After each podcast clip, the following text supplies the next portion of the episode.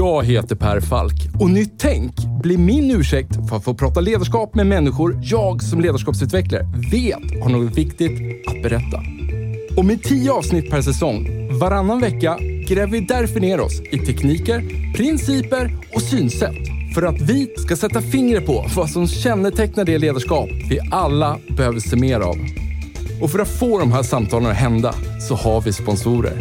Först och främst min arbetsgivare Mindset, där jag och mina kollegor tar fram både små och stora ledarskapsprogram som skapar de nya beteenden som behövs för att få er strategi att hända. Allt handlar om att noga identifiera moments that matters. Samt Promote, som är den självklara digitala plattformen för dig som vill skapa effektfulla lärresor och ett mätbart resultat i verksamheten. Och om ni vill ge era nya medarbetare en riktigt bra introduktion med en välkomnande och effektfull onboarding så tycker jag ni ska kontakta superproffsiga Induction. Ni hittar såklart länkar i avsnittsbeskrivningen. Nu hoppar vi in i samtalet. Enjoy!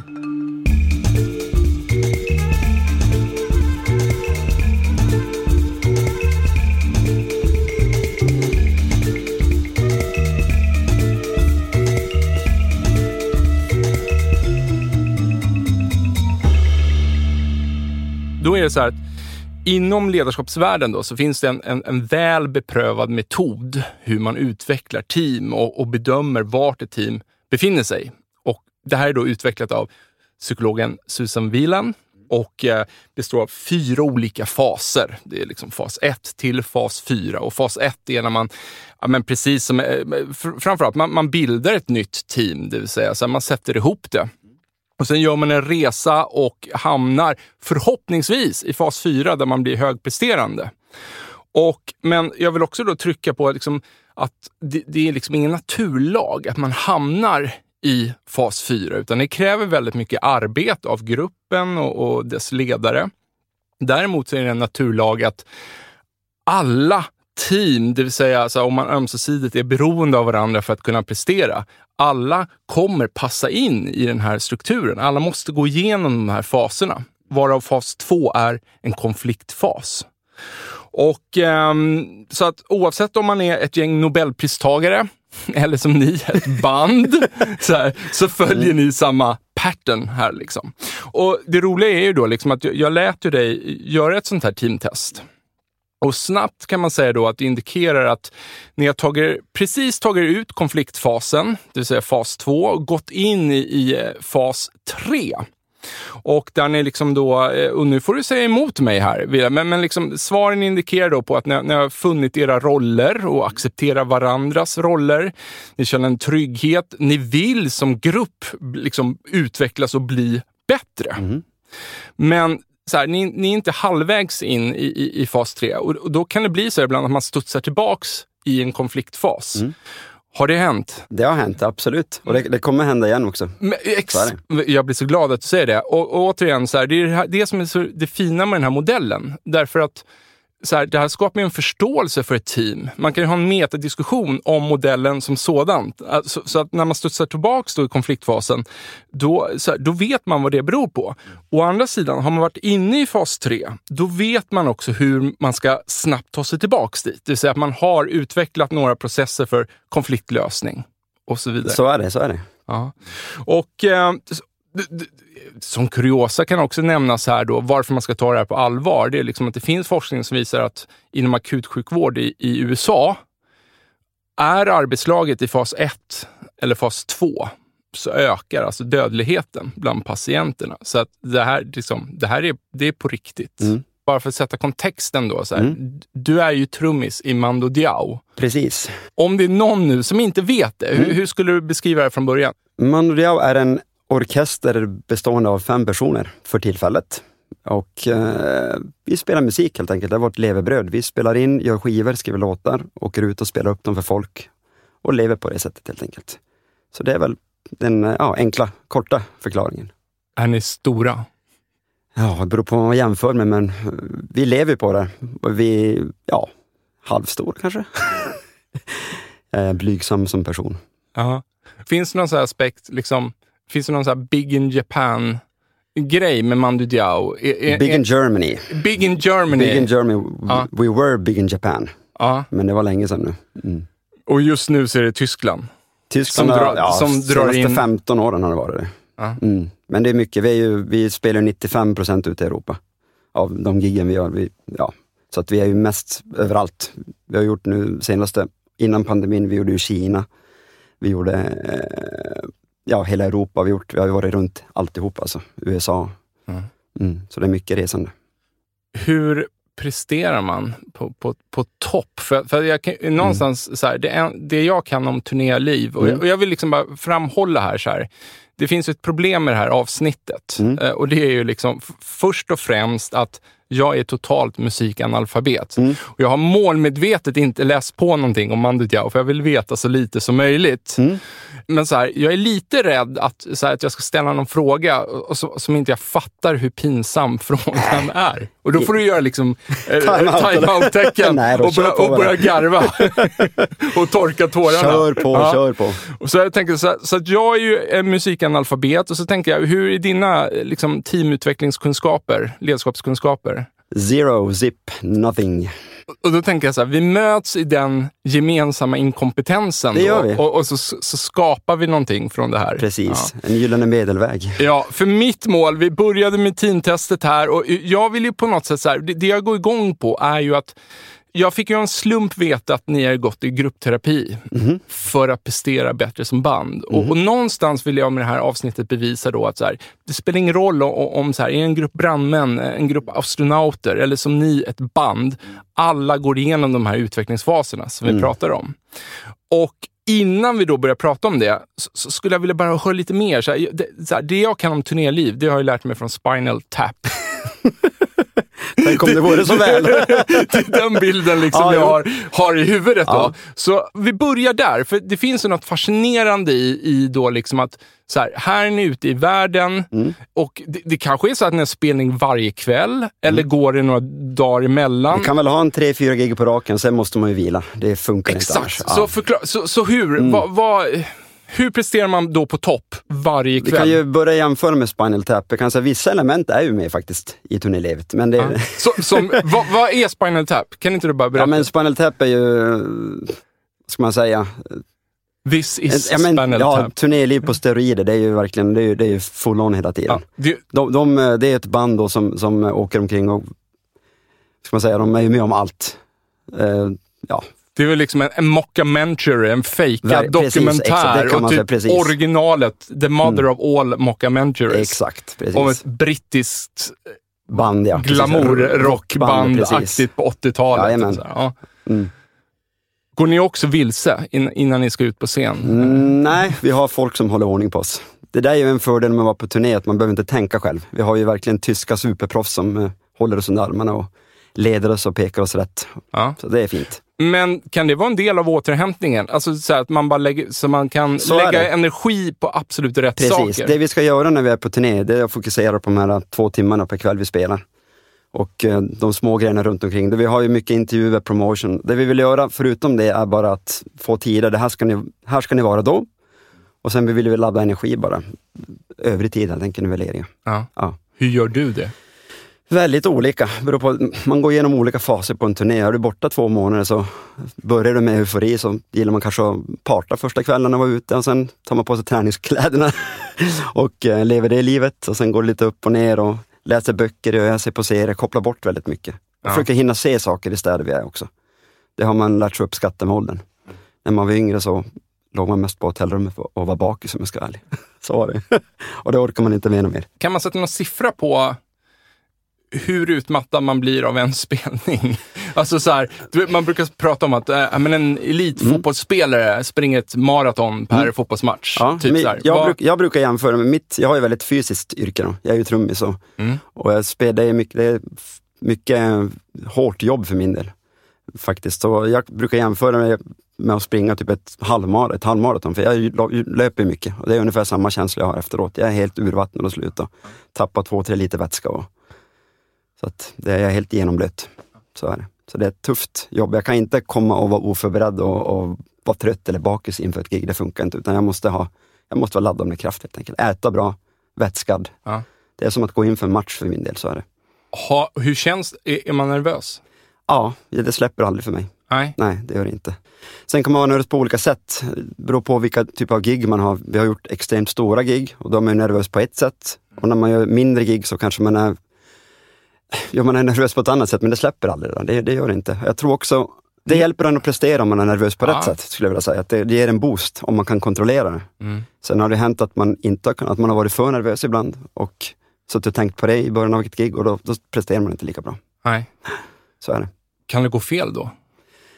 vi är så pass rutinerade så rent, riktigt fel går inte kanske, men det är ens egen känsla kanske att man är inte i det riktigt. Nej. Och att man kanske inte levererar lika som man brukar göra, men vi brukar alltid kunna hålla ihop. Vi har ju bättre dagar och sämre dagar som alla. Så jag skulle säga att vår lägsta nivå är ändå ganska hög. Jag, jag tänker mig att du kanske ser och hör fel hos dina liksom, andra bandmedlemmar och hos dig själv som en vanlig lyssnare inte lägger märke till överhuvudtaget. Så är det, så är det. Ja, men jag menar här i början när vi började spela, då, då var man ju lite yngre och då var man lite mer vild och sådär. Och då kanske man någon gång hade druckit lite för mycket innan för ett gig. Och, så man, oj, basisten började fel tonart på en låt och gitarristen började spela en annan låt. Det har hänt, men det var länge sedan, tack Ja. för det. Men, Och- och- och då, då är det inte kul. Och sen drar ni liksom i efterhand då, ihop det till en och samma på alla tittar, fan, är det du som är fel eller du? Ingen vet. Ja. Ja, det var en jobbig känsla det. Det där med nervositeten, Mm. bara, bara intressant att höra. Du säger att det släpper aldrig och det hjälper dig att prestera. Mm. Kan det vara så att när du väl slår första virveln, eller vad ska jag kalla det för, släpper det då? Två låtar in ska jag säga, för, det är Två- också, det är ja, ändå- för jag måste ja. bli varm i kroppen också. Det är det där som att träna också. När du kommer upp och har gjort en uppvärmning och blir varm i kroppen, då funkar allting mycket bättre. Ja. Så det, då släpper lite nervositeten och jag tror det är mycket med den, den biten, att komma igång och väcka endorfinerna, Ja. väcka kroppen sådär. Och när ni är maximalt inne i det här nu då, Mm. eller, eller så här, när, under de här två första låtarna, Mm. vad sitter du och tänker på då? Då är det mycket det tekniska bara. Ja. Hör jag rätt i mina, jag har ju såna här hörlurar, in-ears heter det. Har jag Mm. rätt balans på grejer? Eh, hur låter alltihop? Hur låter jag? Men det är mycket att man tänker runt innan man kan gå in i det. Sen efter ett par låtar så tänker man inte mer. Då är man bara, kan man säga. Go with the flow. Precis. Ja. Mm. Har du något tics för dig så precis innan att du Nej, måste... Det har jag inte. Jag, jag brukar löpa runt lite, få upp lite värme i kroppen. Sen tar vi alltid en liten hutt rom med bandet och kör en pepp och sen går vi på. Ja. Pang bara. Men, men det är väl en sorts, te- det är väl Jo, en det- sorts vi har- ritual? Det är en liksom. ritual, precis. Vi Ja. kör ju alltid den li- lilla ringen där och, och den lilla hutten och sen Ja, slår vi an på ryggen och så går vi in. Ja. Mm. Har det hänt att ni har gått in, slagit varandra på ryggen där eh, och innan haft något groll? Liksom? I, Att, ta- det, att det har varit det har oskön. Ja, ja, absolut. känsla? Ja, ja, herregud. Ja. Men nu, bara ins- så här, Mm. nu måste ni ju så här in och Absolut. Så nu tar absolut. ni den här hutten. Och, ja. Eh, tack och lov var det ett bra tag sedan nu. Vi, vi har ju bytt lite konstellation i bandet så att det har blivit bättre sen, sen vi gjorde det, sen vi hade den här nya konstellationen. Men det är många exempel på det där när vi har flyg har strulat och vi har typ börjat by, byta om i minibussen på väg eller 200, på, aut- 200 kilometer på autobahn rakt mot ett gig. Direkt upp på scenen, någon har glömt någonting och vad fan gör vi, vad håller du på med? Och så är det upp och spela bara. Och då är det inte en skön stämning, där man hinner inte bounda innan och komma in. Nej, det har hänt. För, och det, där tänker man också då, för att göra en parallell till det teamtester vi gjorde då, liksom att när någon gör ett misstag, det vill säga glömmer någonting, eh, hur övriga gruppen reagerar på det Mm. här misstaget. Det säger nog väldigt mycket också om vart man är liksom, på den här Så är skalan. det. Men sen är det också vad du glömmer om att vara. Och om du inte kommer förberedd och har glömt ditt instrument, säg då, fast det gör vi ju inte annars. Men eh, ja, man, vi, vi är så väl oljade maskiner när det kommer till livebiten så det händer aldrig. Inte nu för tiden, men, men eh, ja, Tyskarna håller ordning på det. tyskarna håller ordning på det, så är det precis. Ja. Så är det. Kan man bli liksom, så pass utmattad av turnélivet, även om det liksom inte är sex, droger och rock'n'roll inblandat, utan bara för att det är så många sp- spelningar? Liksom. Kan, kan, kan man upp... Det kan man göra. Utmattningsdepression, finns det i Det branschen? finns absolut. Det, så är det ju. Med tanke på att vi förflyttar oss varje dag. Det är ju, antingen ska vi passa ett flyg, vi ska hoppa på en nightliner, en sån där buss som man sover på. Mm. Eller så ska du vet, vi ska resa hela tiden, det är nya ställen varje dag. Mm. Så man hinner som aldrig riktigt slappna av och man får aldrig samma säng. Och det har hänt många gånger att jag vaknar på natten och var fan är jag? Mm. Till och med så pass att jag stiger upp och sömndrucken ska gå på toa, så jag har gått ut och öppnat hotellrumsdörren och står där i kalsonger. För att, var inte det här toalettdörren? utelåst. Man går ner till receptionen och hämtar nyckeln Ah. i kalsonger. Det, det har hänt. Ja. Ni har aldrig stått och skrikit på scen, eh, Hello Berlin, och sen så är ni i Dublin. Nej, jag tror vi har lyckats med den faktiskt. Fusk, jag tror vi har lyckats fusk, fusklapp skrivet i precis. handen. Ja. Exakt. Ja, nej, den har vi klarat oss från än så länge. Du nämnde ju här att, att liksom ni har haft, eh, bara för att börja närma oss området här, ni, ni har haft medlemmar som har kommit och, och Mm. gått och, och, och så vidare. Vil, vilket, jag vet inte, gör det Mando Diao speciellt i svensk musikindustri eller är det vanligare internationellt? Eller? För, för mig är det lite unikt, men det kanske är jag som missuppfattar någonting här. Nej, men om man kollar på många stora band som har hållit på länge, det har ju gått och kommit medlemmar hela tiden. Kolla på Stones exempelvis. Ja, men det finns ju jättemånga exempel. Jag tror band som kanske har en karriär på fyra fem år, då, då kanske man eh, håller sig eh, i en gemensam, samma grupp då hela vägen. Men för oss, Mando har ju hållit på över 20 år nu. Och så är det, jag menar, alla utvecklas åt olika håll och man kanske inte passar ihop till slut. Och då får man ju antingen får man bestämma, vill vi fortsätta med kärnan i bandet och gå vidare och kanske byta konstellation lite grann? Eller ska vi lägga ner? För så var det för oss när Gustav var en före detta medlem. Eh, när, vi, när inte han ville vara med något mer, då fick vi ta beslutet att, för han var ju en kärnmedlem då, Mm. verkligen så en brytpunkt, ska vi gå vidare eller ska vi lägga ner? Mm. Och vi kunde lika väl lagt ner, men vi hade så stor vilja att bara gå vidare, så vi omformade den här gruppen och så fick vi jobba därifrån helt enkelt. Då. Mm.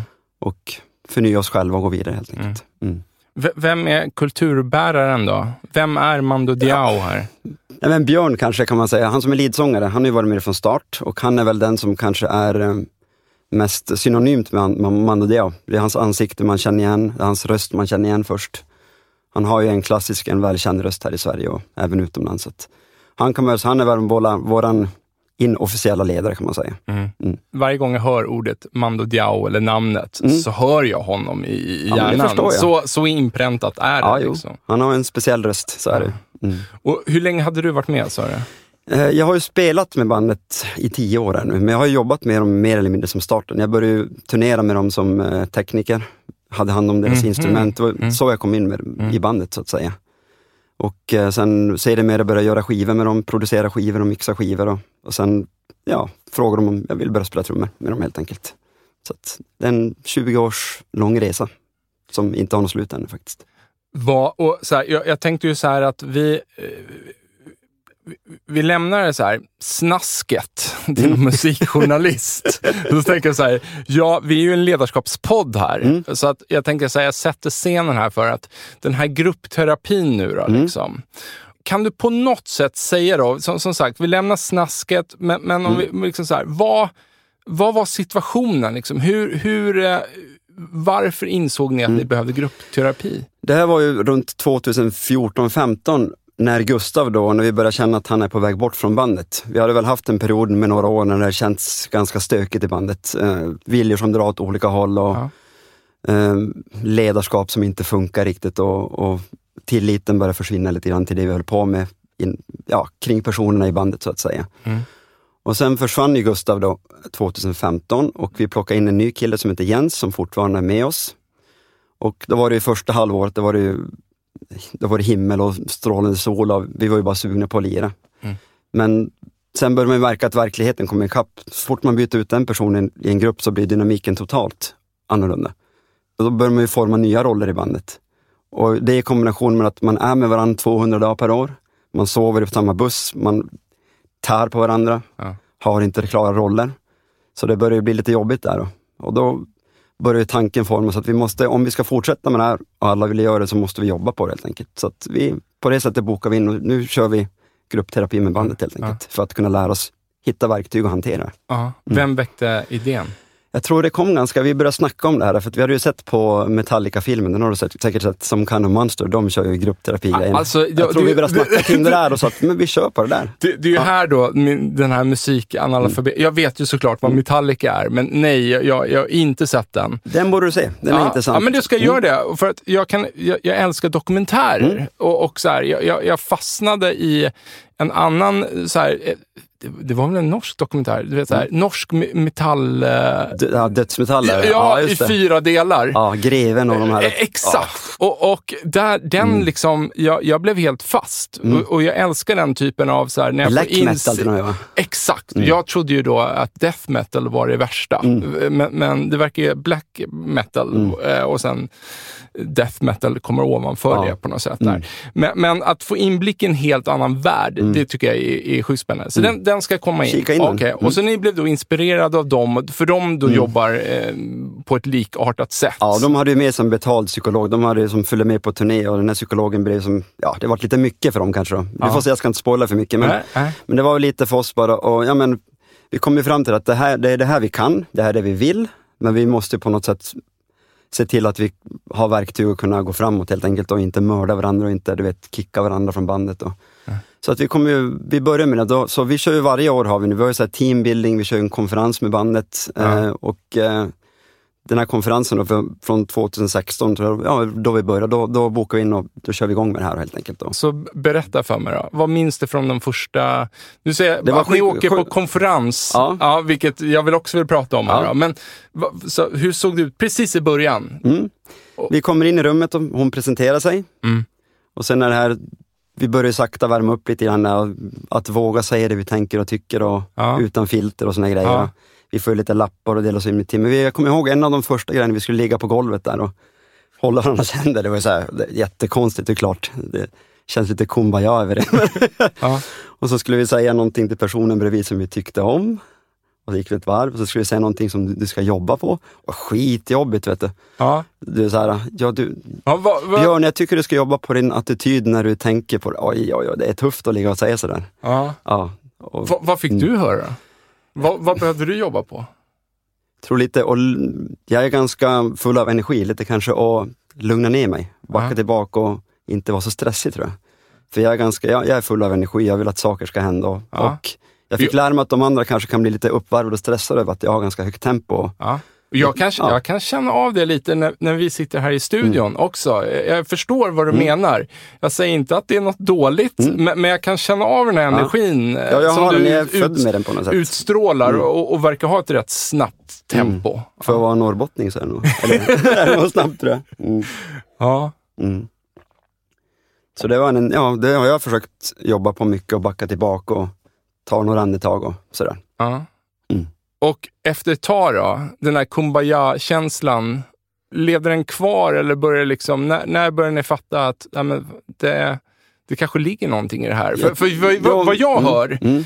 såvida man ska hålla varandra händerna eller inte, liksom, det låter jag vara osagt. Då, Mm. liksom. men, men det hon gör är ju ändå att forma någon sorts feedbackkultur Mm. inom er liksom, grupp. Så är det ju. Hon planterade, sådde ju fröet och jobbet kommer ju alltid efter det. Jag tror hon, hon eh, fick oss att börja jobba på saker. Det hände inte så mycket mer när vi har kört de här grejerna under tiden skulle jag säga. Det har nog hänt mer att vi har påmint varandra och eh, utveck- ja, låter det fröet växa och jobba på det. Vi har fått lära oss de här, de här teknikerna eller de här små grejerna hon lär Ja. oss helt enkelt. Verkligen jag lyssnar, låt varenda person prata till punkt, ta in dem, du vet. Och, Mm. när vi kommer i konfliktsituationer har vi lärt oss det här att ta det på en gång, red ut det. Ja. Låt inte saker gro, för det kan vara tufft. när man är- Och hur gör ni ja. då, då? Rent konkret? Då säger man, stopp, tänk på vad du sa nu, jag, jag tycker inte om det här. Nej. Lite så här. Och- vad menar du nu? Och, och då vet alla liksom vilka spelregler då som Precis, gäller? Ja. Exakt. Det, man kan säga att det var mycket tidigare att folk, eh, man gick ut i rummet, man flydde, man tog andra vägar och kom tillbaka efter några timmar och saker var inte löst. Nu är det oftast att vi verkligen försöker ta det på plats. Och sen kan det ju vara att det, det tar ett tag att lösa vissa knutar, men att man i alla fall adresserar att det är inte bra där. Och sen får man möta varandra och sen löser man det ändå på något sätt. Mm. Att man kan påvisa att det är en konflikt eller att det är någonting på gång i alla fall. Mm. Att båda parterna har förstått det. Om du säger till mig att jag tycker inte om det där, sen går jag iväg, då kanske inte du vet att jag tog illa upp från det. Men jag måste markera det på något sätt. Mm. Så att vi har en möjlighet att, att närma oss och, så att man förstår det. Helt enkelt. Så i, idag nu, då har ni, hon är inte med, Nej, hon är Nej. inte med mer. Nej. Men hon har försett det med de verktygen ni behöver för att kunna liksom jobba vidare. Ja, och fått oss att utveckla egna verktyg, så jag tror. Eller öppna ögonen om att vi måste jobba på det på något Ja. sätt. Så är det. På vilka avgörande punkter då? Du, du nämnde ju att, att fa- faktiskt säga ifrån. Om, om, man, Mm. om man känner sig liksom klampad på, på fötterna eller att man tycker tonläget blir, blir liksom kontraproduktivt på Mm. något sätt. Att, att, att markera det Mm. och, och ta det. På Mm. vilka andra avgörande punkter jobbar ni idag annorlunda än vad ni gjorde igår? Hmm. Svår fråga. Svår fråga. Ja, men jag tror mycket det här är att lyssna på alla, ta in allas feedback. Och det som jag berättade om tidigare, med att alla testar alla idéer och inte rata folk på grund av att man själv inte tycker så. Det kunde vara så mycket förr i tiden att det var två personer kanske som bestämde, som hade makten. Mm. Och nu på något sätt att släppa in alla och låta alla säga sin sak och få en del i det kreativa i gruppen på något sätt. Att alla känner att vi har möjlighet att, att påverka helt enkelt. Mm. Så det har ändrats från igår fram till idag, absolut. Och, och hur släpper Björn in er idag då? Jo, han är, vi, har ingen hierarki i bandet mer idag. Björn är som jag sa vår inofficiella ledare. Ja. Han är väl den som, som är ansiktet utåt mycket sådär, men när vi är bak i kulisserna så är det ju, det är väldigt, väldigt jämnt. Ja. Så är det. Eftersom vi skriver låtar tillsammans. Alla i bandet skriver låtar och, och på så sätt så får vi också inflytande lite grann att, att, att alla, ja, vi har lika värde på något sätt då. Han är inte er ledare då? Eller är han... Jo men inofficiellt, på ett sätt är han det kan man säga. Absolut, men inte i den kreativa processen. Sen kan det vara lite kanske när det kommer till vissa beslut då, som han tycker på ett sätt och vi kan snacka. Han är ju på något sätt, vad ska man säga? Eh, vad svårt det där han, är, han, är, han har ju någon eh, pondus på något sätt för att han har rösten och han är Han, facet utåt. han har ju väldigt speciell utstrålning Ja. också. Jag kan ju tycka så här, jag har ju aldrig träffat honom, Mm. men, men bara det jag ser av honom, det- det är någonting, jag känner att han är nog extremt annorlunda hur min personlighet är.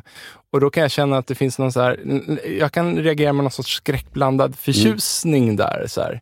Eh, och att det finns någon, någon glöd där som jag Mm. kan tycka kan vara lite svår, eh, lite diffus. Ja. Var kommer den här glöden ta vägen? Så, den känslan kan jag få. Jag hör dig. Mm. Ja.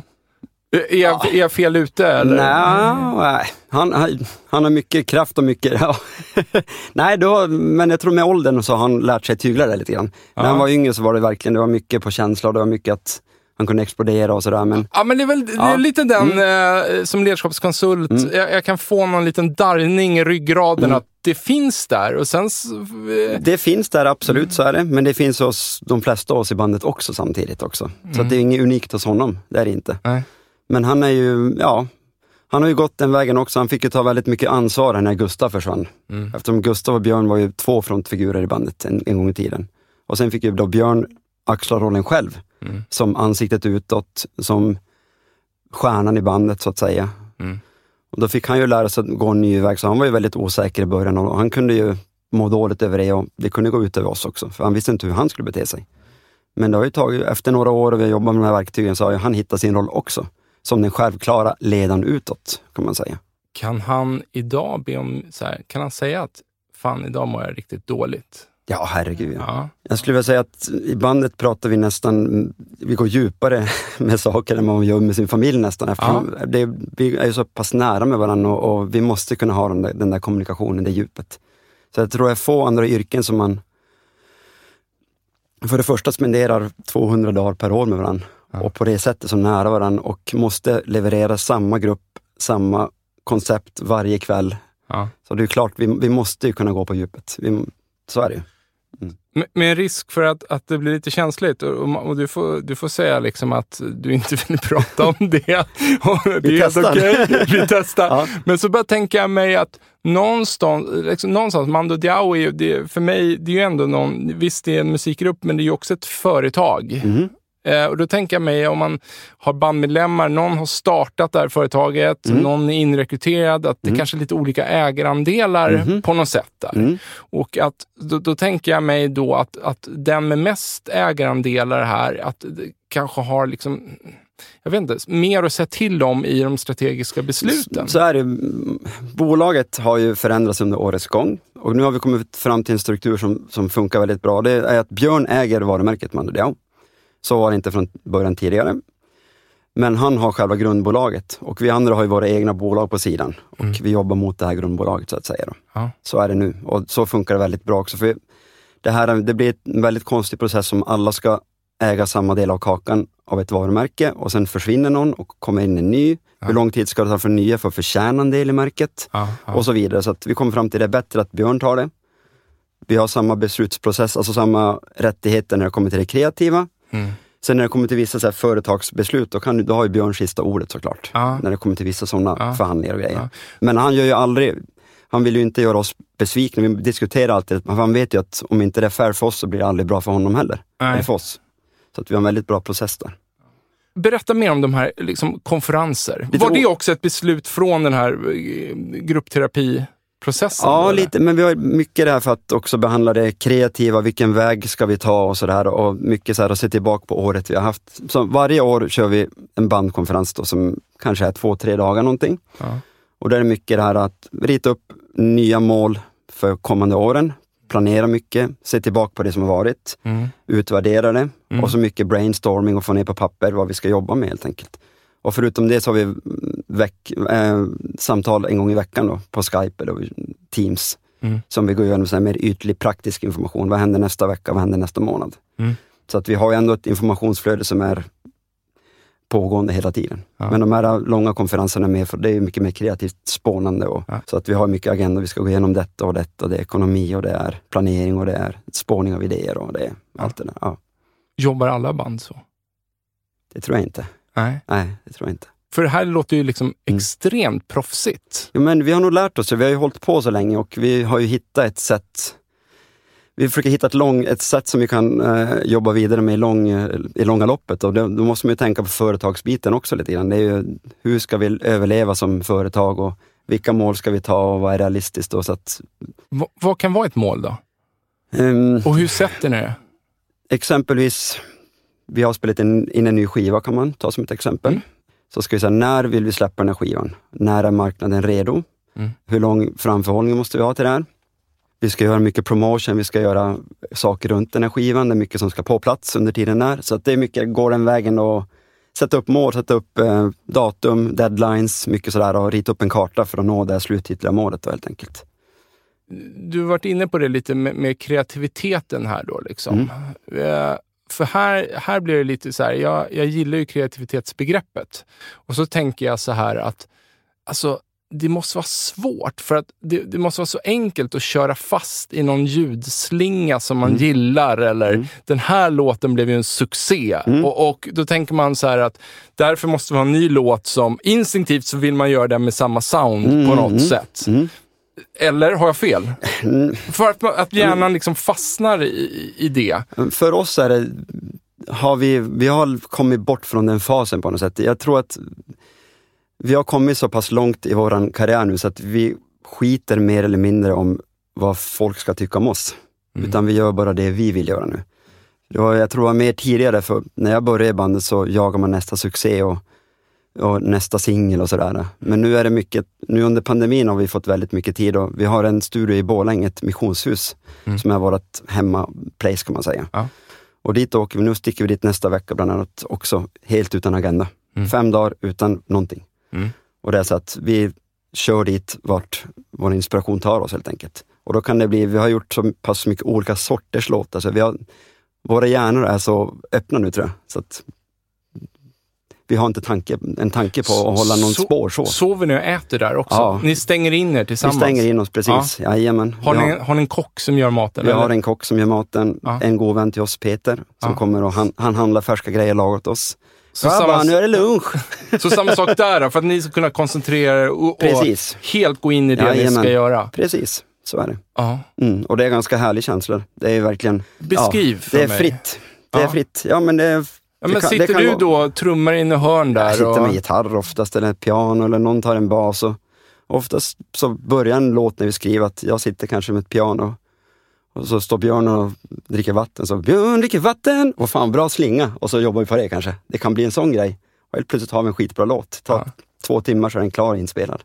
Så det är en sån process vi jobbar med mycket. Och sen, Det låter enormt lekfullt. det är väldigt Alltså, lekfullt. alltså att, Ja. att sinnet måste vara för helt fritt. Och, Ja, men vi har ju kommit till det. Vi har, vi har inte alltid varit där.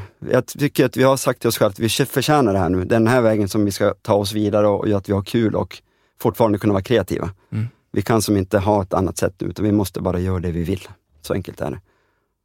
Mm. Mm. Och det tror jag också kommer spegla sig i resultatet. Jag tror det blir bättre av det faktiskt. En Mm. sak som jag tänker på nu då, så att, eh, vad kommer först? Texten eller eh, Musiken, musiken? för vår del alltid. Så, Ja. så först gör ni, hitta någon sound och någon slinga. Någon melodi kanske. och sen så måste ni hitta på någon text till det här också. och det är det liksom. förbannat jobb. Ingen av oss är jättebra textförfattare. Och- det är mycket den här, okej. och vem plats- skriver texten? Allihop. Allihopa? Ja, vi kan skriva ihop i grupp. Jag fick eller, bara för mig att det är typ Nej. eh, Björns jobb. Nej då. liksom. Nej. Men det kan vara mycket så att jag kan ta min laptop, men jag fixar två verser på den här låten. Och sen går ni ner, ja men får vi byta det ordet, vi testar den twisten och så. Eller nu, ah, jag kan palla inget mer så lägger jag bort laptop, ta över där, så skriver du andra versen och sen jobbar vi ihop lite grann. Det kan vara, och ibland kan det även vara att jag skriver en hel låt såklart. Då. Så det är väldigt olika processer där, men det finns inga regler där Men, heller, men om du börjar på någon slinga när ni sitter där, för Mm. att du, eh, Björn dricker vatten, Mm. liksom. du får någon tanke där. Mm. Liksom. Ska de, hakar de, vad gör de andra då? Hakar de på Ja, dig? det kan vara så. Ja. Precis. Det beror på om någon annan är och gör någonting annat kreativt så kanske de är i sin bubbla i studion. Ja. Men kanske jag och Björn kommer igång då på den. Mm. Och så skriver vi låten. Och så, fan vi behöver text. Karl-Johan, basisten då, ta skriv lite grann. Mm. Så vi har sagt att den som är i rummet när vi skriver låtar är alltid med på låtarna. Mm. Så vi har ingen så process heller att jag skrev slingan, jag ska ha 17 procent mer än dig av royaltyn och sånt, utan den som är i rummet är med helt enkelt. Och det tycker jag är fair play för då vill alla bidra också på något sätt. Jag gillar ju, dels verkar det som att ni ger kreativiteten tid. Liksom någonstans inser att så här, det går inte att bara befalla kreativitet. Nej, Utan ni avsätter rätt mycket tid till Mm. det. Och sen ser man det inte som att det är kreativitet hela tiden. Nej. Utan ni, utan man går in någon- och ut ur den. Så man går in och ut ur mm, det. så är Ja. det. Mm. Sitter ni och tittar på varandra mycket i början? Nej, nej. Eller börjar ni, lek, börjar ni leka med en gång? Nej, Vi börjar leka med en gång, så är det. Ja. Vi har vi har sagt att eh, vi har väl diagnoser i bandet från A till Ö kan man säga. Ja. Hela bokstavskombinationen. Så att det på något sätt är alltid våran basist, han går alltid bara och spelar på syntar och ska testa ljud. Och Ja. Jag är mycket, jag tar fram mina trummor och stämmer dem och så ja, då kör vi. Det, det kommer igång bara. Det är som, Spelar ni in hela tiden? nej, inte hela tiden. Nej, Nej. okej. Jag bara tänkte så här att om man hittar någon slinga, Mm. Det blir aldrig så att man bara, vänta nu, hur fick jag till det där? Ja, iPhone, mm, voice memo, perfekt. Ja, men det är då ändå, då, Då gör man ju någon precis. liten, Man gör en liten demo av det, snabbt. Eh, Fånga melodin och sådär, och sen nu kan man utveckla den därifrån. Mm. vad måste på plats för kreativitet egentligen? Så här, vi, vi pratar om lekfullheten, Mm. att, liksom att om någon börjar med någonting här, Mm. liksom, det kommer ju aldrig vara perfekt från början. Nej, det är helt är omöjligt, Ja. utan man bygger ju på varandras Mm. grejer. Liksom. Mm. Så att, att, att man vågar lägga sa- fram Mm. vad jag kallar liksom half-baked ideas. Mm. Det, det blir en förutsättning. Ja. Liksom. Och att någon annan tar upp det och bakar färdigt det. Vad Man- måste mer på plats? Man måste ha tiden. Man får inte ha en tidspress tror jag. Man ska Nej. känna att man har tid att utveckla. Och sen måste man, det här modet att bara släppa ut sina halvfärdiga idéer på något sätt. Och, Ja. och, och kunna dela med sig av saker som kanske inte är riktigt genomtänkta. Eller jag kanske skäms för den här grejen för att jag sjunger inte så bra men jag har en jättebra idé. Mm. Bara släpp ut saker och inte vara rädd för vart det ska landa. Mm. På något sätt. Våga släpp spärren och sen ska vi ha tid för att kunna utveckla det och inte ha en stress. Plus den här ostördheten tror jag. Stänga av mobilen, bli inte påverkad av yttre element. Då, då kan det mogna och, och, och bli grejer av det. Mm. Så är det. Har, har du varit med om någon gång att så här, någon embryo till en låt som ni kanske inte trodde så mycket på i slutändan blev riktigt bra? Ja, Strövtåg i hembygden är ju en, Ja. är ju en skön favorit att ta upp där. Det var ju den skivan vi spelade in, det är ju Gustaf Fröding-dikter vi tonsatte. Ja. Den kom till under två nätter eh, i Dala-Floda i Dalarna i en lada. Mm. Rödvinsfylla hela nätterna och vi spelade in lite poetiska låtar och tänkte det blir väl inte mer av det här. Nej. Och vi gick till Det var lite, inte meningen ens att det Nej. skulle bli en... en vi, ja, vi, vi tänkte vi gör lite låtar, så gick vi till lite skivbolag och vart ratade och tänkte nej det här kan vi inte. Och så var det ett bolag, men det här, det här blir nog bra. Den här Strötåg i hembygden släpper vi som låt. Ja. Vadå den? Det finns ju bättre låtar på skivan. Ja. Och så släppte de den och sen blev det den mest sålda Ja. skivan på typ 12 år i Sverige och toppar svensk topprecord. Jag där har, jag har väl liksom två Mando Diao. eh, Återigen, nu måste jag tänka på mig som Mm. musikanalfabet. Då, Mm. liksom. Det kanske är till och med väldigt fint att jag kan nämna två eh, Mando Ja, Diao. Ja, ja, men, men det är Dance with somebody och Strövtåg i hembygden. Mm. Det är de två jag tänker. Två väldigt skilda grejer, men, Så men två, jag älskar dem båda två. Mm, det är väl de två som har, som har slagit högst kan man säga. Och, och det, här, är- det, det finns mycket intressanta grejer här som helst. Mm. Dels blir jag också bara fa- fascinerad över det här liksom att liksom, ni kommer med samma material till flera aktörer. Mm. Och några säger liksom nej. Och någon ser någonting annat i det här. Mm. Och det visar ju också hur jäkla svårt det är med idéer. Att, att så här, se potentialen i en Mm. Så idé. är det. Så är det i allt tror jag också. Precis, det måste vara rätt mottagare också som tror på det. Och som också på något sätt som kan marknadsföra på rätt sätt. Som har, För att sälja en produkt så måste du tror jag ha, du måste ha, det, ha tro för produkten och du måste vilja sälja den också. Så är det ju. Och musik är ju en produkt i slutändan. Hur man ändrar på den, om man nu ska sälja den och kunna leva på den helt enkelt. Så är det ju. jag, jag kan ha fel här, men, jag för mig jag har läst någonstans att eh, he- Heter han Thomas Ru- Rusiak? Rusiak? Precis. Ja, det, kanske, är det någon kompis till dig? det är en eh, gemensam bekant. Ja. Det är det? Ja. Men den här eh, I'm a punk rocker, Mm. yes I am, eh, dängan, eh, att den började som ett skämt. Ja. Är, och, Ja, vi, och sen blev det liksom en hit. Ja, herregud, det är många låtar som börjar. För oss är det ju hälften av låtarna börjar som skämt och så Ja. blir det en hit. Så Ja. är det ju. Absolut. Och det tror jag vi ska också Mm. ta med oss in i företagsvärlden. Just det där att, för, för så här, alltså, återigen, tillåt half-baked Mm. ideas, eh, för, för, för annars blir innovation helt omöjligt. Ja, men Det- precis. Och ha kul medan, känn ingen press när du tar fram grejer tycker Ja. jag. Du ska leka, vi leker fram grejer, det är det som ger resultat i slutändan. Sen måste du finslipa dem och gå in i den här processen du ska jobba fram grejer. Men att leka fram grundmelodin, grundackorden, Mm. gör att det kommer från en annan del av hjärnan tror jag, som bara släpper ut någonting häftigt. Mm. Som du kanske inte skulle släppa ut om du måste koncentrera nu ska jag skriva en låt. Då Mm. kanske det låser sig. På Mm. något sätt. I, I trappan här på väg upp studion så börjar vi prata om flow. Mm. Ja, vad är det för dig? Det är när man inte tänker på något annat än att bara vara i det man håller på med skulle jag säga. Ja. Eh, om man är i en låt, i en process, då spelar inte tiden någon roll, man är inte hungrig, man bara jobbar. Så kanske det kan vara allt från en halvtimme till fyra timmar. Sen känner man, nu måste jag ta en break. Nu är vi ur flowet, nu lägger jag åt sidan en stund. Mm. Så flow är väl ett, ett, ett state of mind tror jag, när man ja, skärmar sig från allt annat och bara i det på något Mm. sätt. Mm. Och jag, varför jag liksom fastnar för det, för jag kan känna igen det själv. Mm. Jag då, jag pratade om det i ett annat avsnitt också, men, att, att det har blivit mindre och mindre därför att eh, med familjeliv och barn och så, här, så, så är det inte alltid man kan försätta sig i Mm. en situation där man kan uppnå det här flowet. Det. Men det är en otroligt skön känsla och när jag hamnar i det här flowet som kan vara betydligt mer än fyra timmar, Mm. eh, det, det är så att jag glömmer bort att äta. Mm. Liksom. Eh, och, men där jag eh, men jag kan uppleva att jag jobbar i flera, det låter så flummigt Mm. alltså, men i flera dimensioner Ja, ja, ja. samtidigt. Mhm, mm. Och vara liksom superproduktiv. Mm, Liksom, mm, mm. Och extremt klarsynt vad det är som behöver göras. Och det Mm. bara rasslar på. Mm. Tills jag bara kommer på att klockan är två på natten eller tre. Eh, och jag kanske måste äta middag också. Mm. Liksom. I hear you. Ja. Så, så när, ni, när ni då jobbar i, i Romme, Mm. är det någon speciell tidpunkt på dagen? Där, Ja, det kan variera det också. Vi, är inte, vi kör ju sällan gång före lunch, så är det. Jag tror vår kreativitet sträcker sig, den, den bästa perioden för oss är kanske från eftermiddagen fram till midnatt skulle jag säga. Och sen vill man ju släppa, man vill inte jobba hela tiden, då, då brukar vi släppa på, på, på, eller dra i bromsen så att säga och sen kanske bara sätta oss i köket, dricka lite vin och då kommer de här låtarna till där istället, för då släpper man på den här, du vet också, när man är inne i studion, det är lite olika processer för att när vi väl spelar in låten, då är det mycket fokus. Mm. Då ska man spela rätt och vi ska arrangera rätt och sen måste man ta en break i det också på något sätt och då kommer den andra, den här flummiga kreativa processen igång efter det kan det vara. Mm. Så att ofta sitter vi uppe till fyra på morgonen och snackar, skriver text och så går det runt som en cirkel. Där. Mm. Så det är Eh. mycket därför vi inte är, är i någon stad vart någon bor så att säga. Vi vill komma bort. Vi vill verkligen få den här, de här dygnen ihop. Att inte behöva hämta barn på dagis eller tänka på att laga mat eller tvätta eller whatever. Sådär. Mm.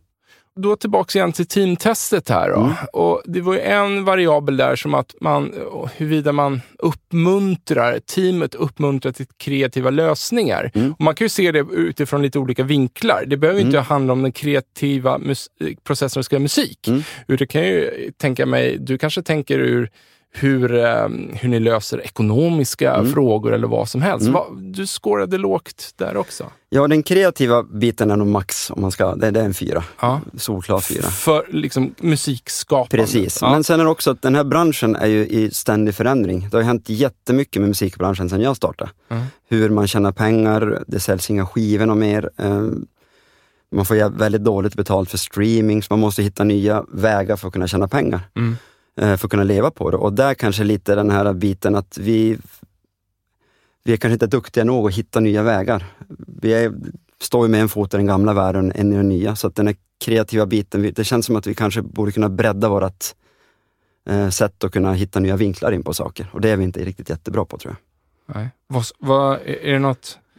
Om man tänker Det så här, kanske är företagshemligheter här, hur, ni tänker här? eller? nej, men det är det absolut inte. Vi försöker ta hjälp av folk, så är det. Mm. Vi tar in folk som, som eh, är duktiga eller som ser de här nya grejtrenderna kanske, eller hur man ska... Men samtidigt i musikbranschen nu, det är ingen som riktigt vet hur det funkar. Det, vi ligger som på något sätt eh, i någon slags mellanläge. Jag tror det kommer vara mer klart om fyra, fem år kanske. Vart tog det vägen? För fortfarande är den i omvandling den här branschen, så ingen har riktigt bra svar ännu. Så är det. Jag la märke till er i en Kia-reklam häromdagen, typ igår. Ja. Ja. Så är det. Det är ett sätt också för oss att, att testa lite, ja, lite nya vinklar och framförallt, det passar ju perfekt under pandemin också. Vi, Verkligen. ja, att vi har någonting att Det göra. var min och- första tanke, att Ja. det här kanske tiden finns att göra den är det typen av samarbete. Precis, så är det ju. Och sen var det också, vi är ju lite miljönissar, vi värnar ju om framtiden för våra barn. Och så var det en hybridbil, ja, då funkar det ändå för oss. Eh, och, och stå för den produkten så att säga också. Mm. Och sen skrev vi låt på beställning till dem då och sen ja, Mm. hoppade vi in i ett samarbete med Kia som vi fortfarande nu har och vi ska utveckla väldigt mycket. Vi snackar om att göra mycket saker med Kia nu så att Roligt att en bra partner, jättebra partner. Det är så roligt nu när vi sitter här och pratar om det här, för att någonstans här, om man skulle ta en, företags, en representant från en företagsledning och, och, och så sitter man och berättar att de har haft konflikter i sin företagsledning Mm. ja, och, och eh, vad de fick för ett teamtest. Då, så här, mm, jag, så här, jag, jag tycker att man ska ha ett sånt transparent samtal eh, internt, Mm. men det är ju inte säkert att det skulle funka så jäkla bra i en podcaststudio att Nej, nej, sitta nej. och få Mm. ut eh, externt. Mhm. Men det sjuka är ju, när det handlar om ett musikband, Mm. då är det lite som det förväntas av er. Ja, men tänk dig själv, fem rockslynglar ska lösa praktiska uppgifter. Ja. Sug bara på den karamellen. Folk som inte har gjort så mycket annat än att spela musik.